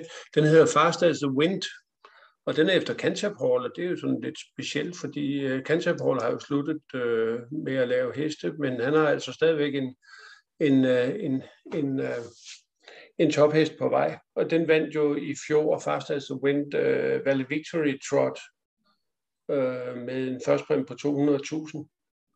Det sluttede den sæson med, og så var den jo i, uh, så vandt den uh, finale i Kindergarten. Hvor den, så det var faktisk der, hvor den tjente uh, sin, sin penge i to løb. Okay. Så det er nok sådan en, der har været lidt under radaren ved, at den ikke har startet i, hvad skal vi sige, de allerstørste løb, selvom det jo pengemæssigt er af to øh, store løb, så kindergarten finalen er jo ikke, det er jo forholdsvis nyt stort løb, der er kommet ind, øh, og Val Victory Trot, det har, det har altid ligget sidst på sæsonen, og, og der, det er ikke altid de, de gode heste, de har været med. Men nu er Fast as the Wind i hvert fald forløbig den hurtigste. Det, der også er interessant at fortælle fra, fra USA, det er den her om lørdagen i den her qualifier, det er, det er jo, at øh, sømmerne er tilbage igen. Øh, det var sådan, at den var ikke øh, for fin øh, sidst, og den er blevet behandlet nu i en qualifier, men det, der gør den qualifier interessant i særdeleshed, det er jo, at øh, back of the neck her skal ud og teste, som den er et litløbs aktuelt. Det er jo sådan, at det er forlydt fra Svansdagstallen, at den havde problemer med, ja, den har problemer med forknæene, og den var ikke særlig fin hverken i, i en qualifier i det løb, den, den gik derefter. Så vi må se, hvordan øh, status er på back the neck efter den her qualifier, hvorvidt den er, den er aktuel for, for elite-løbet. Det bliver spændende at følge. Ja, det er jo interessant, øh, især når Kasper Fod er, er fast kurs på den, og det er jo det, der gør den interessant, set med vores øjne. Jamen, sømmer. Ja, helt, helt afgjort. Øh, Og en anden interessant hest, der også er i qualifier, det er jo den her Let's Do It Nonchalant med Lander, som, øh, som også er ude at øh, lufte sig her. Og som I nok kan høre, så har jeg nævnt Markus Melander rigtig mange gange. Han gør det imponerende godt, den der unge træner i USA. Sikke mange fine heste, han har. Øh, ja, han har virkelig øh, fint. Altså en ting er jo at, at få det gode materiale, som han jo vidderligt får i træning. Øh, han har jo kurant til at, at bakke sig op, og, og, og sin onkel øh, Stefan Melander har jo også øh, sat flere heste i træning hos ham. SAF har også. Så, så han har jo fået det creme de la creme at arbejde med. Men en ting er jo at, at, at få det at arbejde med. Altså resultaterne skal også være der, og det, og det er de jo og har, har de jo i hvert fald været. Ja, og det har bare været de små marginaler, der, der har gjort, at han ikke har fundet en Hamburg-sejr nu. Altså det, der skete med Green Shoe den her gang, det var jo øh, det var, altså, det var ren uheld, at den ikke vandt det der Hamiltonian. Det var bare en af de heste, som skulle have vundet det Hamiltonian, men det er hekse jo. Ja, altså jeg må sige, øh, jeg så Green Shoe øh, øh vinde Kentucky Futurity, og, og det er sjældent, jeg har været så imponeret af, af den teknik, at se, øh, hvilken kraft øh, den, øh, den havde i bagkroppen og det hele det. Det var, det, det var, det var en underlig trav at se på. Ja, og det bliver spændende at følge den afkom, øh, når de begynder at komme frem her. Den var jo selv efter Father Patrick, og man kan også sige, at Father Patrick har fået en lille renaissance i hvert fald her i, i Europa, hvor for flere og flere af hans uh, afkom gør det fantastisk godt blandt andet den her Francesco Zet, som jo er Daniel Lundin øh, nævnes som, øh, som øh, den bedste hest i hans stald. Ja, Øh, og, og en ting er jo, at Patrick gør det godt, det synes, eller hans afkom gør det godt her i, øh, i Skandinavien. Det synes jeg også en hink, som Trixon øh, faktisk gør. Trixon er jo, den står nu i Kanada, øh, og den er jo ikke så satens populær i øh, USA, men, men øh, Trixton her i øh, Skandinavien går forrygende. Pimon, som jeg nævnte før, det, det er en, en, blandt andet en, en Trixton afkom. Ja, og det er jo nok det, det der er med det her Trixton afkom, det er, at de er lidt sene i det. Altså, de, de er måske ikke så, så passende ind i det amerikanske system, hvorimod her i Europa, der, der får de chancen for ligesom at udvikle sig, og jeg har også bemærket den her styrke, mange af dem de har. Altså, det, det kan jo nok godt være, at det er en af de hængste, som egentlig skulle have over til, til, til Europa og virke i stedet for i USA. Og det er samme tilfælde med Father Patrick. Father Patricks afkom er jo nok lidt varme i det, øh, og, og kan derfor tænde for, for tidligt øh, efter de amerikanske træningsmetoder, øh, hvor det jo igen passer bedre med, øh, med den måde, som vi fører hest frem på i, øh, i Europa. Ja. havde det nu været i det glade 80'er dage, dengang det var KGB, der styrede det hele, og der var nogle pengestærke svenskere, der købte hængste hjem fra USA, så var det jo nok øh, aktuelle her, her hjem til, men øh, markedet ser, ser jo lidt anderledes ud nu om dagen. Ja, nu mangler de jo også heste i USA, så nu er de jo ikke så glade for at sælge dem ud landet mere. det jo det. De, man kan jo sige, at nu her på de der Travera-auktioner, der har været, der har svenskeren, nej, nordmanden Thomas Svensen jo faktisk købt øh, flere, øh, især følhopper, øh, som øh, med henblik på, og, og han tager dem til, øh, eller han har kunder til dem i, øh, i USA. Og, og det har han, fordi at de mangler heste. Akkurat som øh, vi mangler løbsheste, så er der altså nogen, der mangler produktionsheste derovre. Ja, det er jo interessant, at øh, det, at det også kan gå den vej, fordi det har jo nærmest kun øh, tidligere været en øh, envejs, envejs retning, at det er gået med heste fra USA til Europa. Nu går det også den anden vej. Og vi kan jo også se, altså, de kan da sagtens også bruge nogle af vores løbsheste nu. Epos Østervang øh, har jo klaret sig øh, flot, kan man sige, øh, og, og er vel ikke færdig med at, at begå sig godt endnu, selvom den ser ud som om den er plomberet ved 1.11.0. Ja, det er jo det. Altså, vi, vi optager jo det her torsdag, torsdag aften, der starter den jo på Chester for Kasper Fod, og vi følger selvfølgelig op på, hvordan det, det går og så videre, men, men, men øh, det er jo sådan, det er. Øh, det er der slet ingen tvivl om. Men øh, Carsten, jeg tror, vi lader den øh, ligge der for i dag med vores øh, snak omkring de her ting, og vi følger selvfølgelig op på øh, Copenhagen Cup øh, næste uges udsendelse, hvordan det går, og nu skal I så få et øh, ud, et afsnit af ugens aktuelle med B.S. og Dyrberg. Tak for snakken i dag, Carsten. Ja, tak.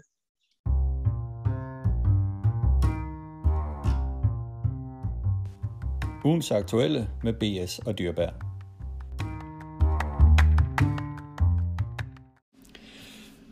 Ugens aktuelle med B.S. Dyrberg skal selvfølgelig handle om Copenhagen Cup i og med, at Ben Svendsen jo valgte at melde Flowerdost til, til det her løb. Og uh, Bent, uh, vi kan jo lige starte med, med lodtrækningen uh, til, til løbet. Du fik uh, spor 8, der, der sang du lige uh, spytte en ekstra gang. Ja, ja det, er jo, det, det gør man jo. Det er jo lige det eneste spor, jeg lige vil sige, man ikke vil have jo. Ikke? Men uh, omvendt, så har jeg resoneret sådan, at øh, nu skal jeg jo i hvert fald ikke til at drømme om at, at køre med om nogen position fra start jo, derudfra jo, og, og med en vild spidskamp hen mod første sving jo, så det kan være, at det, det kan løse sig alligevel. Jo. Nu tager jeg en, øh, en start derude i banen og kører med selvfølgelig og ser, øh, om der måske bliver en plads, ellers sidder man jo sidst udvendigt, og så skal vi håbe på det berømte hårdt tempo undervejs, som der normalt bliver i den slags løb. Så det, øh, ja, det, det kunne ikke være værre sport, spurgte, når vi ikke lave om med det er jo løgtrækning, og fuldt til os selv alle sammen. Det er jo det. Det er vilkårene. Det er sådan, ja. Selvom det er ærgerligt. Øh, men vi har bestemt os for at øh, løbe feltet igennem i dag. Øh, de 10 starten, og så rangere den fra 1 til 5, hvor 1 er bedst. For ligesom at se, om vi kan være så kloge, at vi kan have chance for det. Og vi kan jo starte med Festival of Speed, øh, som jo har fået spor 1, men distancen 2011 meter er vel ikke det bedste spor, man kan få. Nej, altså jeg tror slet ikke, at 1 er god for en festival for speed. Det har vi jo set de par gange i Aalborg. Øh, glemmer vi bare den oppe først, og der var den nok over PB. Ikke? Men sidste gang kunne man jo tydeligt se, at Sten ikke, i hvert fald ikke satte sig ind fra spor 1 og, og trak sig lidt med ham, ikke? fordi den er lidt op og kører der, og så er det svært at fyre af ind fra spor 1 jo ikke. Så det er nok ikke helt øh, den kæmpe fordel for ham i hvert fald. Jo, vel? Så, men den er jo, den er jo lige så grøn i det her sammenhæng, som, som flagret også, når vi kommer til hende jo ikke. Jo. Så øh, ja, Ja, jeg vil, øh, jeg må, må give den femtallet jo. Altså jo, jeg tror ikke, det, det tager vi senere, når vi kommer til en anden dansk gæst også jo ikke. Ja. Øh, vi, vi, den er med nu jo ikke, og, og skal måles, hvor den er hen nok, ligesom jeg vil gøre med flagret også jo ikke, i, det her, i de her sammenhænge jo ikke. Jo. Ja. Så sådan ser jeg på det i hvert fald. Ja, den er jo i hvert fald øh, grøn i den her sammenhæng, og jeg noterer også, at Sten Juhl øh, jo i sin udtalelse siger, at øh, det var ejernes valg, at den skulle starte i Copenhagen Cup, og han ville hellere have valgt en anden opgave. Og det siger jo nok også lidt om øh, det løbsamlæg, han har i tanker omkring hesten. Men under alle omstændigheder, den er i inderbanen.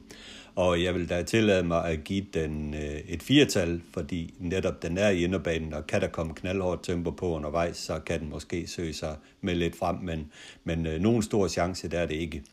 Nummer to, Four Guys Dream, er jo en hest, som vandt på en imponerende tid senest på Halmstad 096, men den fik vel også øh, løbet serveret den dag?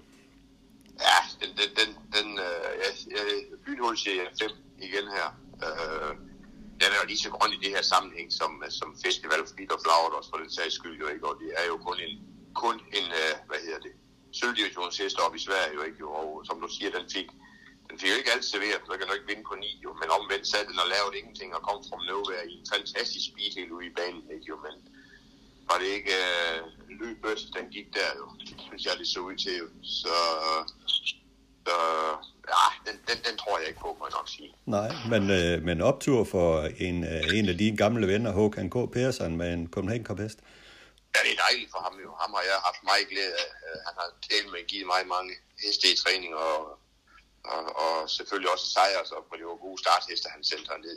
Så det er skønt for ham. Han har haft en, han har haft noget, noget optur de sidste par år, synes jeg også ved, at han, hans bror kørte. Han er en dygtig uh, driver, Stefan Persson. Ja, men jeg giver den også et femtal. Jeg, jeg tror også, at den får det mægtigt svært, uh, trods sin uh, nyfundne form her. Nummer 3, Milligan School, er jo den hest, der har tjent uh, flest penge i feltet. En, uh, en rigtig uh, slider, en uh, guldvisionens rev, den her hest, der har styrken, rutinen uh, og så videre. Hvordan rangerer du den? Ja, frem for alt starthurtighed må du ikke glemme på den. Det er sjældent, at den misser spidsen, når den sidder der med det spor, der også i Sverige i gulddivisionen. Uh, men man skal huske en ting med Milligan School, det er en vinterhest. Den, øh, siden den er kommet til Sverige, der vinder den jo en 3-4 gulddivisioner over vintermånederne hver gang, og så kan den ikke være med, når det, vi kommer herhen på foråret og sommeren. Jo. Øh, man kan også se, at øh, der er lidt længere mellem sejrene, end, end som så med den i øjeblikket. Ikke? Men der er jo ingen tvivl om, at den, øh, en af dem, der kan være med til at skabe farten i løbet, fordi den er så starthurtig, det er helt vildt jo. Jeg, jeg giver den 60 her. Jeg vil øh, slå mig op på total netop, fordi på grund af starthurtigheden, så tror jeg, at den tager spids her, og øh, øh så tror jeg, at den kan få lov til at styre det et stykke vej, og øh, i og med, øh, at den, den kan det, så tror jeg faktisk, at den er en øh, ret så stor chance også, øh, fordi den trods alt gik pænt senest øh, på Romme, og er den her øh, rutinerede hest i, i, i øh, feltet, fordi man må også se øh, på feltet, der, der er nogle rutinerede, øh, virkelig rutinerede heste, og så er der nogen, der er lidt nye i gamet her, så jeg sætter den på et total. Så kommer vi til nummer 4, Vetruvio, og øh, det er jo et stort øh, spørgsmålstegn, den her hest fra Gukiador. Den er svær at sætte ind. Ja, den er svær at sætte ind, men jeg synes jo, den, øh, den jeg synes, den ser totalt form for lad ud. Den har ikke gjort mange glade i lang tid. Nu ved, så siger du nok lige at den tjente 700.000 sidste år, har tjent 200 i år, men det gør de jo de steder, hvor de starter den slags heste. Ikke jo? Øh, du kan se, at den står med de fem starter, vi kan se i programmet. Ikke? Den har en anden 0,57 diskvalificeret, ikke? og det, det har givet øh, 214.000. Der er jo utrolig mange penge op i Tel der, hvor den startede. Jo. Øh, ja, jeg kan, den tror jeg ikke på, må jeg nok sige. Men, men den har den, den har jo klassen til at kan vinde løbet, det er klart, men det, den får en træer af mig igen jo, men øh, det er ligesom mig på kusken. Ja, det er jo en Silstrøm, han vinder med alt i øjeblikket, men jeg kan sagtens følge, altså den der Vitruvio, jeg tror et af de sidste rigtig gode løb, den, øh, den vandt, det var da den vandt Oslo Grand Prix på Jorma Concho. Og der kan man jo gå ind og se løbet igen, der var den totalt ude at svømme i sidste sving, men øh, fandt farten ind på lige banen og nåede frem til, til sejr på utrolig vis. Det er altså ja, var en hest. Det, var det ikke det løb, hvor der har været kørt helt, helt vildt først 1000? Jo, først jo. Øh, ja, sådan var det bare jo. Ja, ja. Nej, det vil jeg se, før jeg tror på, den kan vinde løbet. Ja, men jeg, jeg tror heller ikke på den, og den er, altså på en 1000 meter bane, der har den simpelthen bare for store problemer, øh, tror jeg, og det er for lang tid siden, at den har vist noget rigtig positivt. Så de der 10 tider, den står med i programmet, det skal man altså ikke lægge for meget øh, i. Det er, det er medløbstider, der svarer til 12-13 tider herhjemme på sprint, så det skal man overhovedet ikke kigge på. Nej, det er også sådan, jeg ser på det. Ja, så jeg er også nede på, på et uh, tretal, og som, uh, som du siger, kun fordi det var en stilstrøm, der kører, ellers er den været en, uh, en fire i mine øjne. Ja. Så er der Mr. F. Dark, Paul Haggard, stallen jo, som uh, leverer vinder på samlebånd, Paul Haggard, og han er ofte med fremme i de her uh, store løb. Jamen det, det er han jo, hans heste har jo topform, og det kunne vi jo se her fra den forgangne weekend i uh, Dronning og Kongepokalen, hvor han fyrte dem af jo, ikke? Og, og også andre steder jo, ikke jo. Det her, det er jo det, vi kalder en gammel skide efterhånden, selvom den kun er syv år jo, ikke jo. Uh, Men starter ikke så tit, har kun 33 starter af karrieren, 5 starter ja, sidste år, ja. så der må være noget med frisøren på den, der gør, at den ikke kan starte så tit. Det må ind imellem jo ikke jo, altså jo, så jeg synes jo ikke, den står med imponerende resultater, vel. Øh, igen noget medløbstid, der er 4 på 10, 4 på sprint, ikke? Øh, det, det er jo det, de løber i dag, når de, når de møder, går på sprint, den slags heste, jo ikke jo. Jeg, jeg er hen i et firetal på dem. Jeg har, jeg har ikke fulgt den i år, må jeg sige, så jeg er ikke helt styr på den, men jeg tror ikke på, den rækker helt. Nej, men jeg, jeg er på samme øh, spor der. Jeg tror heller ikke, at det er en hest, der, der rækker helt frem, så jeg er også nede på et firetal. Så er det uh, nummer 6, uh, Calle Crown, Thomas Malmqvist, træner hest med Erik Adielsson i Solkien. Det er jo en hest, som uh, længe har, har gjort det mest i, i det franske og tjent gode penge dernede, uden at helt række til. Ja, og den har det absolut øh, nu skal jeg passe på, hvad jeg siger. Aldrig ragt til herovre omkring, synes jeg, når den har været hjemme. Øh, og den, den er åbenbart trives med, med Vincentbanen dernede, hvor den går sin løb, ikke? og har tjent en masse penge med det jo. Men jeg synes aldrig, den, de har haft en hop før på, på Møllerstaden, mener og sådan noget. Jo, ikke? Og, øh, nej, jeg synes simpelthen ikke, den rækker. Det, det, øh, det, det, den har, god, har, har gjort det godt og tjent gode penge, men det er ved at løbe på Vincennes og så trives på den bane jo. Ikke? Så jeg tror absolut ikke på at Jeg giver ham kun en femmer. Ja, Øh, jeg, er også, øh, jeg giver den en 4, øh, fordi at det til, trods alt er en ret speedy hest, så hvis det, det blev overpas på, så kan den måske komme til slut. Men den har altså ikke vist noget, øh, der rigtig sådan rækker det her selskab, øh, skulle man synes, øh, på Vincennes. Øh, Malmqvist, øh, vi havde jo gerne set Empire i det løb for hans træningskvarter, men den er altså åbenbart ikke blevet øh, klar til det her løb, øh, så det blev Cal vi får at se.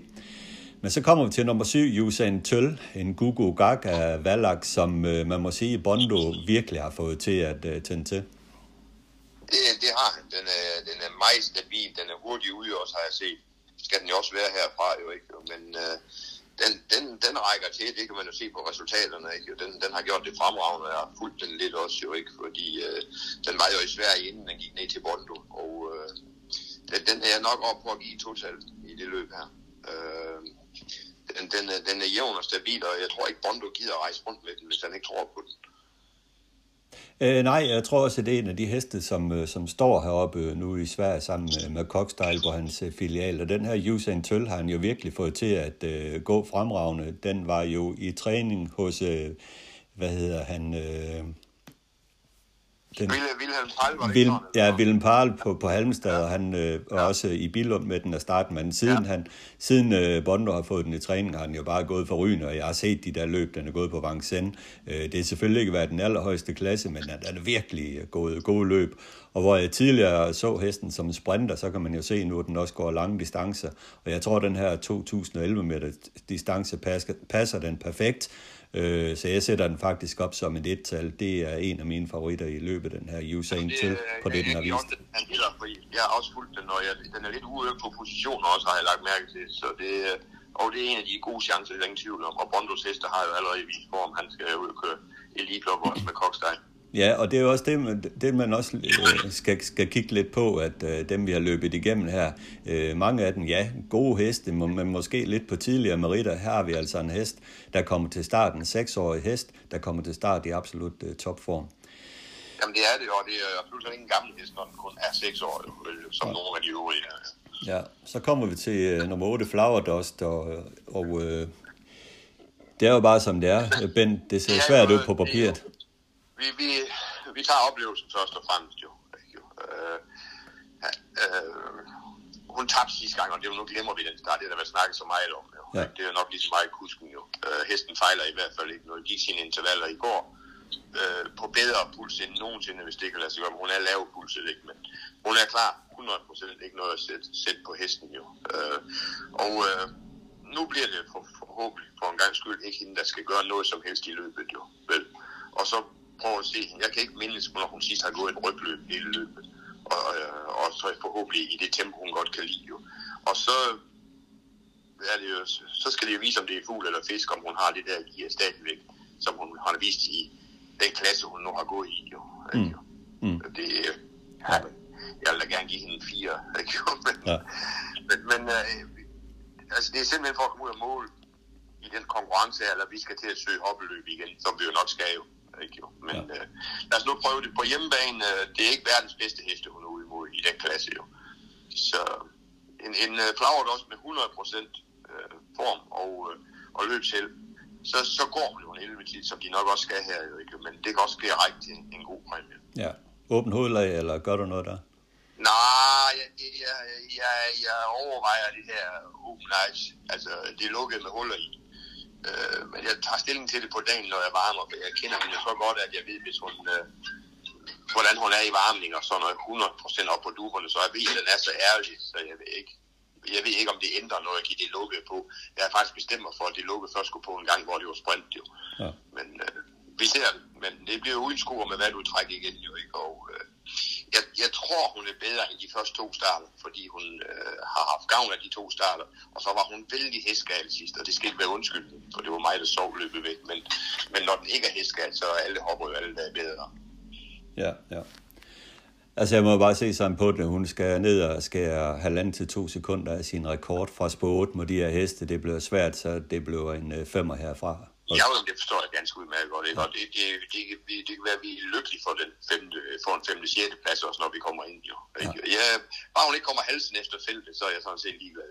Ja, det er klart. Men øh, i hvert fald, øh, det er frisk af at tage, tage udfordringen op og, og starte hende her, så vi får både Derby-vinderen og Derby Hopløbs-vinderen til start i Copenhagen Cup, som fem års, øh, det er jo aldrig set før, så alene det er jo historisk.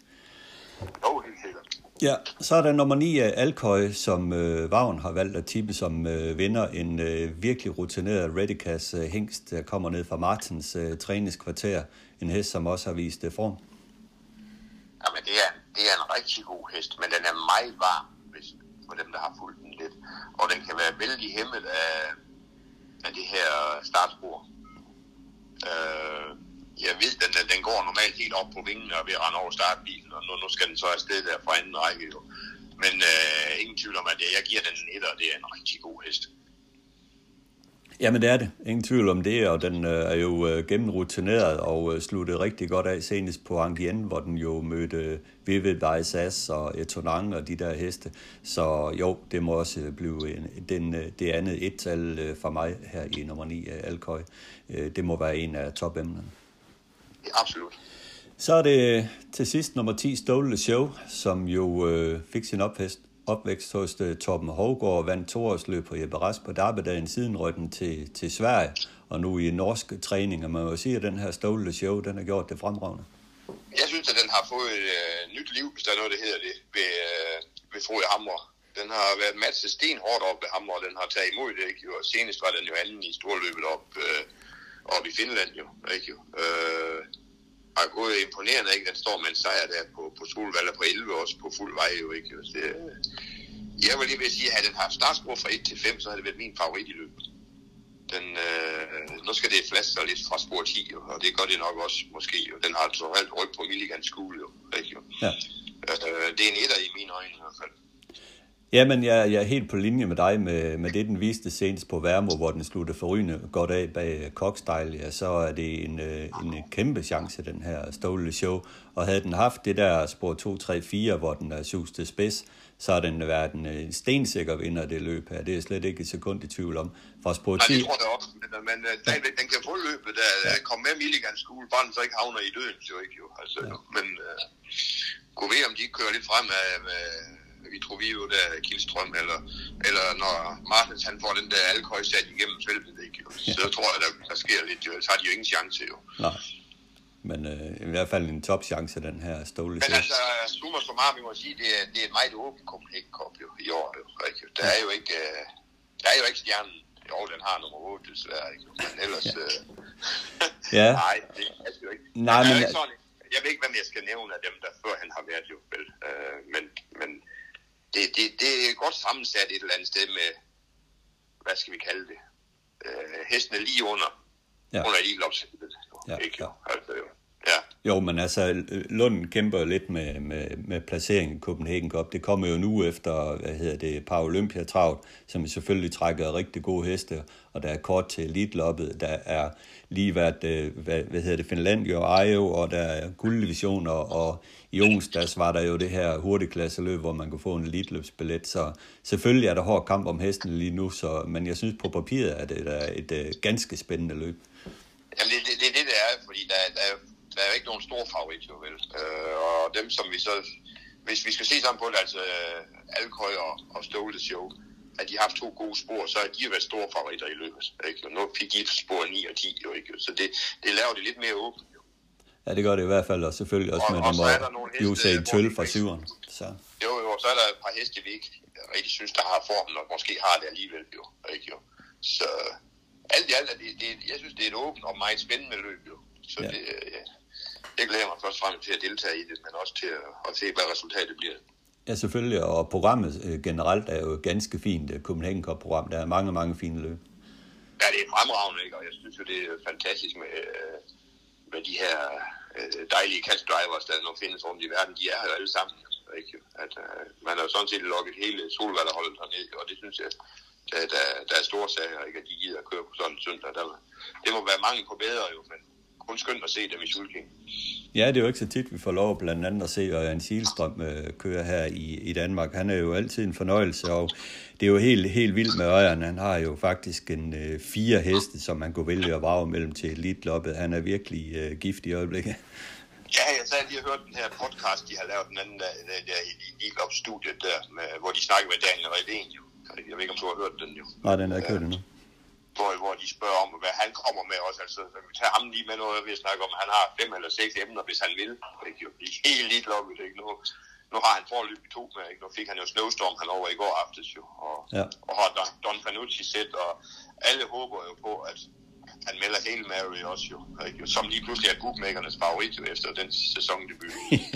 øh, ah, det er en frygtelig stald, han har, og, og som sagt, Ørjan, han har, han har første valg der, og alle andre steder, ikke? Han har jo, ja, Admiral Asse er også kommet med, den plejer han også at køre, den kører han jo selvfølgelig ikke jo, vel, men man ved jo ikke, hvem Ørjan vælger endnu. Så, Nej, det er meget, meget spændende, og øh, ja, og vi og, og, lige huske, tænk, de må jo ikke køre to heste længere jo. Nej, det er jo du må det. Ikke tage, du må ikke tage en i hver afdeling. Så Nej, det, det er at vælge rigtigt der, men det, det bliver sjovt at se, hvad Ørjan tager, for han har i hvert fald fingeren på pulsen. ja. Så, Kan det åbne sig en flanke omkring øh, Extreme? Nu er det jo sådan, at Sang Motor øh, kredsen har jo valgt, at det ikke kan starte elitloppet, så Bjørn Gub kører jo Extreme, men kunne det åbne sig en flanke for, at øh, Daniel Redén siger, vil du køre øh, hele Mary? nej, det tror jeg ikke. Det tror jeg sgu ikke. Det, der tror jeg ikke, han står af øh, god. Det, det er fuldt overbevist om, han ikke gør. Fordi han, øh, den, den gik jo fremragende ekstrem her på, på Åby, ikke? Jo. Synes jeg jo, det, det er den løb de sidste øh, 100 med, det, det vil ikke være nogen, der turde klokke det jo, altså vel. Så det, og, og det, jeg så den her åbne hudlag, hvor nu bliver det da forhåbentlig lukket her til, til et elitlop, jo ikke, og så sprint, og så kører vi alt det, det kan hele vejen, ikke? Øh, Nej, så, men nej, det- den, den står ikke af, det tror jeg ikke på. Nej, men det er jo herligt med, det er jo herligt med alle de her spekulationer, man kan have. Det er jo det, der, der er det, krydderi. jamen, det er jo det, der, er det. det er jo sjovt også, jo. Ja, så. Sådan er det. Godt, Bent. Vi fik Ja. ja. rendt uh, Copenhagen Cup-feltet igennem, og uh, glæder os til, til søndag. Det gør vi. Det er godt. Tak for snakken. Tak fordi du tog dig tid til at lytte til Travsnak i samarbejde med Travservice. Har du input, idéer, kritik, ros, ja hvad som helst til podcasten, så giv mig en mail på adressen henrikdyrberg